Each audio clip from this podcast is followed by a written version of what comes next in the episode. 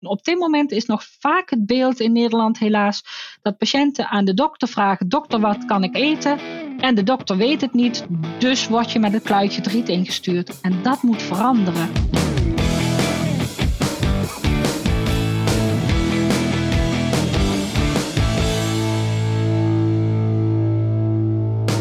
Dag allemaal, leuk dat je luistert naar Buikspraak, de podcast over het leven met IBD. Ik ben Ingeborg Kuis en ik zal gespreksleider zijn bij deze serie podcasts. Naast mij zit Irene Westerbeek, mijn tafeldame. Ja, hoi Ingeborg, leuk hier te mogen zijn. Naast gespreksleider en tafeldame zijn wij allebei ook nog eens ervaringsdeskundig op het gebied van IBD. Irene heeft de ziekte van Crohn, ik heb colitis ulcerosa en dan heb je meteen de twee ziektebeelden waarvoor IBD staat. In deze samenstelling gaan we in elke aflevering in gesprek met een gast die veel bezig is met de ins en outs van deze groep ziektes. In deze serie staan we stil bij voeding, want een chronische darmaandoening en wat je dagelijks eet, dat verdient een goed gesprek. We zullen in elke aflevering een ander aspect van voeding bij IBD bespreken. Vandaag praten we in onze serie over IBD en voeding met Mario Kampmans-Kuipers. Mario is klinisch epidemioloog en diëtist bij het UMC Groningen en gespecialiseerd in voeding en IBD. Naast haar werk bij het UMCG is ze ook voorzitter van de diëtistenwerkgroep van de Europese Kroon- en Colitis-organisatie. Maar daar horen we straks meer over, want wij willen de experts eerst ook een beetje beter leren kennen. Zij zijn tenslotte ook maar mens. Daarom gaat onze gast elke aflevering als eerst met de billen bloot, door middel van een aantal persoonlijke vragen. Mario, welkom bij Buikspraak. Dankjewel. Vandaag gaan we het hebben over verantwoorde voeding voor mensen met IBD. Maar eerst hebben we twee vragen voor jou in onze vaste rubriek met de billen bloot. Vraag 1. Wat is jouw guilty pleasure als het gaat om eten? Oh, dat is niet zo moeilijk. Dat is voor mij chocola. Heerlijk, daar kan ik niet vanaf blijven. Chocola, heerlijk, ja. En vind je dat dan ook zo lekker s'avonds na het eten bij een lekker kopje koffie? Nee, ik drink geen koffie, maar uh, gewoon, gewoon als ik lekker een ontspannen momentje heb of na het eten, waar een andere kopje koffie drink, denk ik, eet ik een chocolaatje. Soms.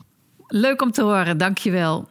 Uh, je werkt al heel lang als diëtiste. En uh, wat was nou eigenlijk voor jou in al die jaren de grootste eye-opener op het gebied van gezonde voeding? Mm, ik denk dat, ja, ik, ik, als ik om me heen kijk, zie ik gewoon heel veel mensen uh, heel veel bewerkte producten eten. En ik ben er toch wel van geschrokken dat heel veel toevoegingen die in het eten zitten, die uh, goedgekeurd zijn door de Food and Drug Administration, dat die toch allemaal in ons eten zitten en dat die toch niet zo onschuldig zijn als dat het lijkt. En daarom wil ik eigenlijk uh, meer naar onbewerkte producten. En dat, ik, als ik om me heen kijk en ik loop door een supermarkt, dan denk ik: oh mijn god, hoeveel uh, producten hebben we hier staan die, uh, die je eigenlijk wat puurder zou willen gebruiken? Ja, dat kan ik me voorstellen. Leuk ook om op deze manier iets meer over je te weten te komen, Mario. Maar we zijn eigenlijk ook nog wel benieuwd naar jouw werk. Um, je bent zowel klinisch epidemioloog als diëtist. Dat klinkt als twee dingen die eigenlijk best ver uit elkaar liggen. Hoe combineer je dit eigenlijk? Uh, van een diëtist heeft iedereen wel een beeld, maar klinisch epidemioloog is iemand die geschoold is in het doen van onderzoek naar iets. Dus wat ik doe, is onderzoek doen naar voeding. Dit heeft niet te maken met epidemieën, dus ook niet uh, echt te maken met corona, bij wijze van spreken. Epidemiologie is dat jij uh, twee studies bijvoorbeeld met elkaar vergelijkt, of twee methodes met elkaar vergelijkt. Of je bijvoorbeeld, uh, ik noem nog maar, uh, beter een bepaalde operatie kan doen, of beter een pilletje kan geven. Of twee methodes met elkaar vergelijken, waar, ben je nu het beste mee af? En zo kun je ook allerlei onderzoek doen om te kijken binnen de voeding waar je dus het beste mee af bent. Dus het, maakt je, het geeft je de tools in handen om, om heel goed te kijken van wat is nu wel waar en wat is niet waar. Ja, dat is duidelijk. Maar waarom heb je uiteindelijk het wetenschappelijk onderzoek opgepakt in het IPD-werkveld? Uh, omdat ik het wel heel leuk vond om als diëtiste te werken, maar ik merkte steeds dat de patiënten wel heel erg tevreden waren, maar dat ik zelf op een bepaald niveau bleef hangen. Dus ben ik gaan studeren om uh, zelf meer onderzoek te kunnen doen, om te kijken van uh, of je met de studie, met onderzoek verder kan komen naar, naar meer, uh, ja, hoe moet ik het zeggen? Niet alleen zelf de diepte in, maar ook meer bewijs vergaren, zodat de mensen beter weten waar ze aan toe zijn. Het is niet één patiënt helpen, je wil eigenlijk een hele grote groep patiënten helpen. En toen kreeg ik uh, in Groningen een hele mooie kans om uh, met professor Gerard Dijkstra samen te werken. Die, die in Groningen brengen we alles in kaart op het gebied van IBD. We kijken naar de genetica, we kijken naar uh, um, naar uh, de proteomics, naar de metabolomics. Uh, we kijken naar alle facetten daaromheen, ook naar de omgeving. En alle omgevings, van, van die omgevingsfactoren is eentje daarvan de voeding. En die mag ik in kaart brengen daar. En dat vind ik heel mooi om te doen. Dat klinkt inderdaad als een prachtig werkveld waar uh, nog veel in te doen is. Maar ik ben eigenlijk ook wel benieuwd naar meer. In onze serie Buikspraken werken we graag met een aantal prikkelende stellingen. En daarom geef ik graag het woord aan mijn tafeldame Irene. Ja, dankjewel Ingeborg en uh, welkom Mario. En we gaan dus uitgebreid hebben over voeding en IBD. Maar ik ben altijd wel vrij direct en ik kom graag straight to the point. Dus we gaan de stellingen doen en je mag deze antwoorden met eens of oneens. Ben je er klaar voor? Ja hoor, kom Dus maar op. geen uitleg, alleen eens of oneens. IBD wordt niet veroorzaakt door voeding, dus het maakt niet uit wat je eet. Eens of oneens? Oneens. Dat is mooi. Anders hebben we een heel saai gesprek. Nou, de tweede stelling. De meeste IBD'ers hebben niet genoeg kennis van voeding. Ik denk dat ik eens. Ja? Ja. Nou, ben benieuwd. Nou, en tot slot de laatste stelling. Mensen met IBD zijn alleen bezig met voeding als ze een opvlamming hebben. Ik moet ja of nee kiezen, dan denk ik eens. Oké, okay, dankjewel. En nu, maar, ja. maar het zijn allemaal antwoorden waarvan je denkt, ja maar. Nou, precies. En omdat er Ja. overal een ja maar aan zit, gaan we het daar dus uitgebreid over hebben nu in een pittig gesprek. Ja, Irene, tijd voor een pittig gesprek. Mario, we dwingen je uiteraard eerst om, om eens of oneens te zeggen. Maar uiteraard is er ook tijd voor alle nuances. De eerste stelling luidde dus: IBD wordt niet veroorzaakt door voeding. Dus het maakt niet uit wat je eet. Je was het daarmee oneens. Vertel eens, hoe zit dat? Ja, nou ik denk dat het wel degelijk uitmaakt wat je eet. Ik denk wel dat voeding niet de enige oorzaak is van IBD. Het is niet zo dat uh, als jij maar raak eet, dat je zeker IBD krijgt. En er is een heel palet aan factoren wat daar een rol in speelt. In eerste instantie hoe jouw genen in elkaar zitten. Daar kun je niks aan doen, daar ben je mee geboren. Maar verder zijn er een heleboel omgevingsfactoren die een rol spelen. En daarvan, een van die factoren is voeding. En voeding uh, ja, speelt ook wel degelijk een rol bij het ontstaan van IBD. En als je het omdraait, kan voeding dan ook helpen om klachten bij IBD te verminderen?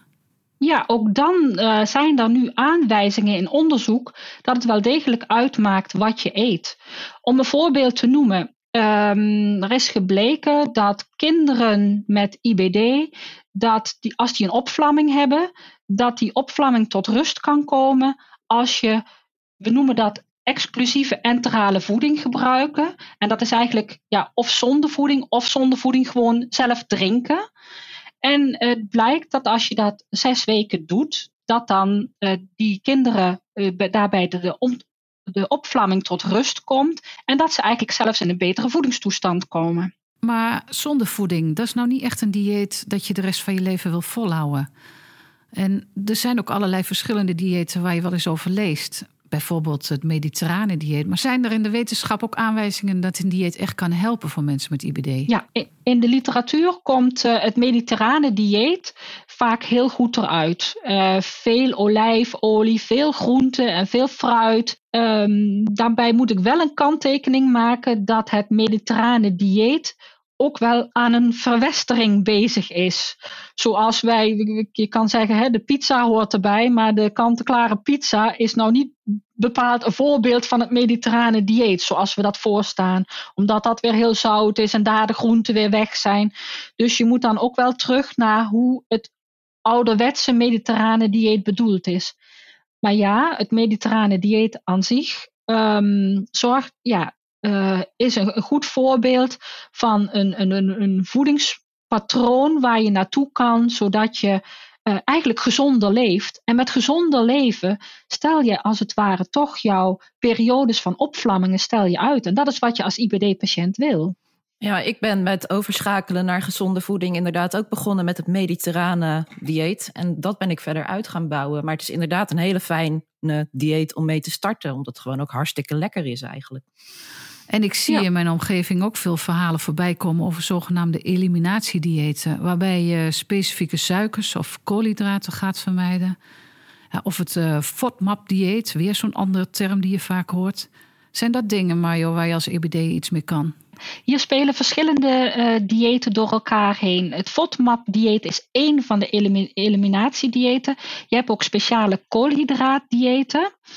Um, dat wil zeggen dat je bepaalde gluten bijvoorbeeld weglaat of bepaalde koolhydraten weglaat. Laat ik vooropstellen dat alle eliminatiediëten die hebben in principe het gevaar in zich dat als je dingen weglaat, dat je een onvolwaardige voeding krijgt. En daar komt vaak, uh, zit vaak de angel in dat uh, mensen wel bepaalde producten gaan weglaten, maar ze weten niet wat ze daarvoor weer in de plaats moeten nemen om toch een volwaardige voeding te krijgen. Als je het FODMAP-dieet goed uitvoert, ga je al die koolhydraten, die specifieke koolhydraten weglaten en ga je ze als het goed is weer reintroduceren, zodat je weer tot een volwaardige voeding komt. Daarom moet dat FODMAP-dieet altijd onder begeleiding van een diëtist gebeuren. Want ook daar ligt dan weer het gevaar op de loer dat je tekorten krijgt in de voeding. Dus ga dat niet op eigen manier experimenteren. Ik denk dat dit een uh, heel mooi bruggetje is naar de tweede stelling. Ja, inderdaad, Irene. Want dit gaat over kennis van voeding en wat mensen met IBD nou wel of niet moeten doen. De stelling, Mario, luidde: De meeste IBD'ers hebben niet genoeg kennis van voeding. Uh, je was het daarmee eens, weliswaar na wat aarzelen. Maar kun je eens een voorbeeld geven waaruit voor jou blijkt dat omgaan met voeding lastig kan zijn voor iemand met IBD? Mensen hebben met IBD, uh, eh, die uh, hebben bijvoorbeeld ook vaak last van melksuiker, lactose, oftewel een lactose-intolerantie. Dat komt net als die FODMAP-klachten, komt dat ook vaak uh, voor. En dan denken mensen: oké, okay, ik ga alle melkproducten weglaten. Maar om aan voldoende kalk in je lichaam te komen. Om voldoende kalk voor je botten te hebben. Geen broze botten te krijgen, zodat je met ieder misstapje iets breekt, bij wijze van spreken. Heb je wel eigenlijk voldoende kalk binnen. Nou, een diëtist kan jou bijvoorbeeld uitleggen dat je vier keer per dag melkproducten nodig hebt. Nou, blijkt dat die um, lactose, die zit met name in de melk, uh, uh, de karnemelk, zeg maar, gewoon zoals de melk van de koe komt, zit in mindere mate in yoghurt, omdat die daar een beetje verzuurd is, nog minder in de kwark, omdat daar een klein beetje van de wei bij weggelopen is, maar niet meer in de harde kaas. Als jij nou toch aan voldoende kalk, kalk wil komen, kan je zeggen tegen de IBD-patiënt: eet u maar gewoon lekker kaas. En als u vier plakjes kaas op een dag eet, heb je toch vier keer per dag je melkproducten binnen. Nou ja, gewoon aanvullen met plakjes kaas. Ik bedoel, kaas zit weer chockvol met vet. En dat is bijvoorbeeld iets waar ik heel heftig op reageer. Het lijkt mij dus super lastig uh, om mensen met IBD te begeleiden. Omdat ja, ik heb een beetje zelf het gevoel dat iedereen anders is en anders op voeding reageert. Klopt dat? Of, het eh, klopt wel dat iedereen zijn eigen uh, producten heeft waarbij je klachten hebt. Maar als jij zegt bijvoorbeeld, uh, komt dan met het product van ja, zomaar aanvullen met kaas, past niet bij mij, dan vind ik weer dat dat advies weer persoonlijk moet zijn. Mhm. Dat ik jou dan weer moet wijzen op het feit dat er ook magere kaassoorten zijn. Waar, waarbij je toch je probleem weer op kan lossen. En dus samen gaan zoeken naar je oplossing. En jij moet dan aangeven, oké, hier heb ik last van. En dan ga je samen zoeken van hoe kunnen we samen toch zorgen voor een goede oplossing. Persoonlijke aandacht is het credo dus, omdat het voor iedereen anders kan zijn. Daarbij is denk ik ook erg belangrijk dat een diëtist een grote rol heeft bij de begeleiding van mensen met IBD. Het meest ideale zou dus zijn dat diëtisten nauw samenwerken met andere behandelaars en misschien wel vooral in samenspraak met patiënten zelf. Ja, ja ik moet zeggen, dit klinkt allemaal heel mooi als je dit zegt. En ik uh, leef wat dat betreft een beetje in twee werelden. Ik uh, ben voorzitter van de DECO en daar werk ik veel samen met uh, diëtisten uit Engeland en uit Israël, waar dit al een voldongen feit is. In Nederland staan we wat dat betreft nog in de kinderschoenen. Want uh, daar is heel lang gezegd, er is nog weinig bewijs voor voeding bij IBD. En dat is de laatste jaren er volop aan het komen. En dat betekent dat diëtisten ook nog te weinig geschoold zijn in voeding en IBD, zeker in Nederland. En wij zijn op dit moment hard aan de weg aan het timmeren om die diëtisten te scholen. Want die diëtisten hebben twee belangrijke doelen op dit moment uh, om uh, na te streven. Dat is dat blijkt dat uh, als mensen IBD ontwikkelen, dan blijkt in de eerste twee jaar van de ziekte dat de gemiddelde IBD-patiënt sowieso spiermassa verliest. Hè, dus eigenlijk in een slechtere voedingstoestand komt in mijn ogen. En uh, tegelijkertijd vaak relatief nog meer vetmassa opbouwt. Tenzij je een periode hebt gehad waarin je ontzettende op, opvlammingen hebt gehad en daardoor een extreem gewichtsverlies hebt gehad. Dus aan de ene kant moeten ze zorgen dat die patiënten in een goede voedingstoestand komen. En de tweede missie van diëtisten is: ga die patiënten begeleiden bij uh, de tekorten die er zijn. Zorg ervoor dat patiënten een goed gedegen advies krijgen, want tot nu toe kregen ze dat niet. En wat gebeurt er dan als jij geen goed advies krijgt? Wat ga je dan doen? Dan ga je doen van wat een mede-IBD-patiënt zei, of wat de tante zei, of wat de buurvrouw zei. Je krijgt daar last van, dus laat ik het weg. Met alle tekorten van dien. Eigenlijk zit er nog een derde ding bij. Dus nu dat we nu gaan kijken van er komt steeds meer bewijs van wat je wel kan doen in rustige fase en in die actieve fase. En dat is uh, een van mijn missies om daarin uh, diëtisten in Nederland te scholen. Ja, dat klinkt als een mooie ambitie, Mario. Uh, persoonlijke aanpak is daarbij dan dus het uitgangspunt. Maar als we nu naar de groep IBD'ers kijken, is daar sowieso al een belangrijk onderscheid te maken. IBD is zoals eerder besproken eigenlijk een verzamelnaam. De twee belangrijkste vormen die we kennen zijn de ziekte van Crohn en colitis ulcerosa. Maar zijn er nu verschillen te zien tussen die twee als je kijkt naar de relatie met voeding? Uh, de ziekte van Crohn is wat dat betreft toch wat onvoorspelbaarder. En uh, heeft meer opnameproblemen. Hè, want het zit toch in de dunne darm vaak. En die dunne darm heeft toch nog een belangrijke functie van de opname van voedingsstoffen. Terwijl uh, bij de ziekte van uh, colitis ulcerosa heb je eigenlijk meer de dikke darm. En de dikke darm is met name het opnemen van water en zouten. Dus voedingstechnisch is dat wat minder een probleem. Het is toch wel een andere problematiek die er speelt. Um, en dat maakt het bij de ziekte van, uh, van Crohn wat ingewikkelder. En als je gaat kijken in de wereld van onderzoek, is er wel meer bewijs vaak bij de mensen met de ziekte van Crohn. En we zijn eigenlijk ja, op allerlei fronten bezig om de, de, de bewijzen die er zijn te bundelen en te kijken wat, wat kunnen we op dit moment de patiënten duidelijk als adviezen meegeven. Nou, dat zou echt uh, super mooi zijn. Want het is inderdaad waar van na de diagnose dat je best wel heel veel ja, moeite moet doen om goede adviezen te krijgen over voeding. De eerste keer dat ik dat zei bij de dokter, dat is ook wel weer tien jaar geleden, natuurlijk twaalf jaar, werd gewoon van tafel afgeveegd. En ook gewoon het zoeken naar een goede begeleiding of waar moet je nou beginnen? Dat valt nog niet mee. Nee, dat kan ik wel beamen vanuit mijn ervaring. Er is nog een wereld te winnen voor de begeleiding van mensen met IBD op het gebied van voeding, denk ik. Maar Mario, kijkend naar jouw werk in Groningen, welke activiteiten ondernemen jullie om deze verbetering verder vorm te geven? Je had het bijvoorbeeld over scholing van diëtisten. Ja, we zijn nu aan dit traject zijn we bezig. Hè. We, we, uh, we, we, gaan scholingen geven aan die diëtisten. Uh, we zijn ook bezig, we gebruiken een, uh, in de monitoring, dat doen de, de maag-darm-leverartsen doen dat. Die gebruiken een app.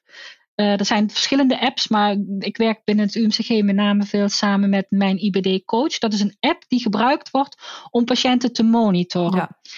Dus met die app proberen we op afstand de patiënt te monitoren. Daar worden continu vragenlijsten ingevuld. Eh, gaat er dit nog goed? Gaat er dat nog goed? Hoe gaat het met je ontlasting? Soms wordt er een, een ontstekingswaarde in de ontlasting gemeten. Dat kan je ook met een klein testje die je met, eh, met een mobiel kan uitlezen uiteindelijk. En als het goed gaat, hoef jij niet naar de dokter toe.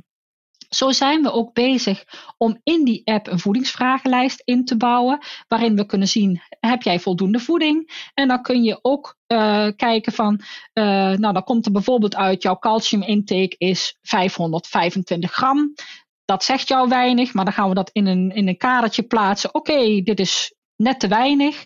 En dan krijg je daarin adviezen. Je kan gelinkt worden naar het voedingscentrum of algemene voeding. Maar je kan ook een link krijgen naar uh, een, uh, een lijst waarin dan diëtisten staan die de scholing gehad hebben op IBD. Zodat jij als patiënt weet, oké, daar kan ik heen voor een goed advies. Nou, een goed advies voor elke IBD, dat zou echt fantastisch zijn. En daarmee komen we ook terug bij de laatste stelling.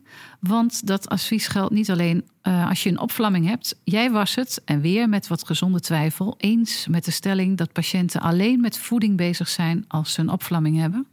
Ja, maar ik denk dat dat voor al, voor, uh, voor al de dingen die je als patiënt tegenkomt, of het nu medicijnen is of hoe je tegen je ziektebeeld aanstaat. En daar speelt op dit moment de verpleegkundig specialist op het gebied van uh, IBD speelt daar een hele belangrijke rol in. En daar moet je eigenlijk al dit soort dingen aankaarten. Vandaar dat wij in de voorlichting ook de, um, de verpleegkundige specialisten meenemen daarin. En de IBD-verpleegkundigen meenemen, die scholen we ook in de voeding. Zodat als zij bijvoorbeeld merkt, omdat niet iedereen bij een diëtist komt, als zij merkt van oké, uh, deze patiënt heeft toch wel problemen op het gebied van voeding, laat ik die maar eens doorverwijzen. Wij werken binnen de uh, ECHO, de Europese Chronic Organisatie, ook veel samen met de, de, de IBD-verpleegkundigen daar, omdat zij ook graag meer van voeding willen weten. En het is voor ons ook heel goed om de andere problematiek waar de patiënt mee zit om dat te snappen. Want dan snap je ook dat een patiënt niet durft te experimenteren op een dag dat hij de deur uitgaat. Want dan is het lopen in gedachten, kan ik op tijd bij de volgende wc zijn, bij wijze van spreken. als je ziek bent, dan maakt het echt niet uit wat ik eet, zeg maar. Alles gaat dan in de zoutzuurmachine en komt er even vloeibaar weer uit. dus ik kan dan geen conclusies trekken. Maar juist als ik dan weer beter ben, dan word ik echt obsessief in gezond eten. Omdat ik dan juist zo bang ben dat ik weer ziek word. En bij alles wat ik eet, dan heb, ben ik een soort van ja, paniek van, oh nee, als ik maar niet weer terugval in de ellende, zeg maar. Dus misschien als ik niet ziek ben, vind ik het nog wel enger om te eten dan als ik wel ziek ben. Ja, ik denk dat het met name belangrijk is dat uh, mensen nog te weinig, en dat doe ik eigenlijk meer op, dat mensen nog te weinig handvatten hebben wat ze kunnen eten. En ja. het is niet, patiënten zijn wel Tuurlijk zijn patiënten wel bezig met uh, wat ze willen eten, maar ze krijgen op dit moment gewoon nog te weinig uh, handvatten, te weinig leidraad. Wat kan ik doen? Op dit moment is nog vaak het beeld in Nederland helaas dat patiënten aan de dokter vragen: dokter, wat kan ik eten? En de dokter weet het niet, dus word je met een kluitje driet ingestuurd. En dat moet veranderen. Als het gaat om voeding is er natuurlijk ook altijd een link met gewicht. Voor IBD's is dat denk ik niet anders. Zij krijgen vaak met schommelingen in hun gewicht te maken. Ik ben daar zelf ook een voorbeeld van. Maar is er in algemene zin iets te zeggen over hoe je daarmee om moet gaan? Hoe raak je nu die overtollige kilo's weer kwijt? Ik denk als je als uh, patiënt met IBD uh, zwaarder wordt, en zeker door uh, prednison, dan snap ik dat jij van jezelf beeldt dat je graag wil afvallen. Maar waar ik me het meeste zorgen om maak, is dat mensen een goede spiermassa moeten hebben. En dat betekent toch dat je, en dat geldt ook voor mensen die afvallen, je moet eigenlijk altijd zorgen dat je kwalitatief goed eet. Dus dat je toch voldoende eiwitbronnen eet. Uh, en dat is bijvoorbeeld toch uh, kaas of vlees of ei of pulvruchten, noten. En die zorgen er weer voor dat je spiermassa goed blijft. Maar voor afvallen is dat eigenlijk ook, zijn dat de weefsels die actief zijn. En die zorgen ervoor dat jouw kacheltje als het ware harder gaat branden. En dan wil ik mensen niet in eerste instantie beperken. Je mag dat en dat en dat en dat allemaal niet eten, want dat denken mensen bij vermagering eigenlijk. Nee, zorg dat je voldoende eiwitten eet, zodat je je spieren opbouwt. En tegelijkertijd zou ik deze mensen ook willen aanraden: probeer zoveel mogelijk de beweging te pakken. Want bij beweging zorg je ervoor dat je als het ware tegen die spieren zegt: Je moet zorgen dat je je opbouwt, dat je dikker wordt. Nou, het zoveelste mooie inzicht uit het gesprek van de afgelopen 20 minuten. En het spijt me bijna te zeggen, Mario, dat we het moeten gaan afronden. Maar ik heb nog wel één belangrijke vraag. Want uh, ik ben benieuwd, let jij zelf op je voeding? En wat ga jij bijvoorbeeld vanavond koken? Um, oh, dat is een hele mooie. Uh, ik, ik, ik, we koken vaak samen, mijn man en ik. En uh, wij koken wel heel vaak vegetarisch. En we maken wel heel veel producten zelf klaar. Wij zijn bijvoorbeeld ook wel uh, bij, mensen die zelf de peulvruchten weken. En peulvruchten, eiwitten zijn vaak geen volwaardige eiwitten. Hè, want alleen de sojaboon is een volwaardig product. Maar als je peulvruchten, eiwitten weer combineert met granen in dezelfde maaltijd. Dan zit daar het ene aminozuur wat tekort komt in het andere zit er in de andere overmaat aan in. Dus, um, dus maken we op die manier een volwaardige maaltijd. Dus wij koken heel vaak iets met bijvoorbeeld kikkererwten en dan doen we er bij wijze van spreken een muesli bij of, of mais bij. Of, uh, en we kijken wel wat we in huis hebben. En uh, ja, we hebben vaak uiteindelijk dan met, met 15 of 20 minuten samen de maaltijd in elkaar gezet. Met, we doen er allerlei groentes bij en dan zijn we klaar. Dus ik maak me er niet zo, zo'n punt van. Maar wij, wij maken wel heel veel dingen uh, zelf. Weinig kant-en-klaar producten en zo min mogelijk zout. Allemaal volledig uitgedacht en verantwoord dus. Er wordt wel over nagedacht, maar het wil niet zeggen dat het een wet van mede en persen is. Want uh, ik kom ook uit Brabant, dus ik eet ook uh, af en toe best wel eens een, een uh, Brabants worstenbroodje. Dus ja, het is dus niet altijd zo dat het, uh, dat het altijd allemaal alleen maar super moet in die zin. Maar ik denk wel dat de keuzes die je dagelijks maakt, dat die wel beïnvloeden van hoe jij in je vel zit. Brabants worstenbrood, ja, dat helpt wel om lekker in je vel te zitten af en toe. Ik zeg heerlijk. Dat maakt ook meteen de cirkel rond, want je zou het zo een guilty pleasure kunnen noemen. Mario, mag ik jou namens Irene en mezelf heel hartelijk danken voor dit leuke, leerzame en gezellige gesprek. Bedankt, graag gedaan. Dankjewel.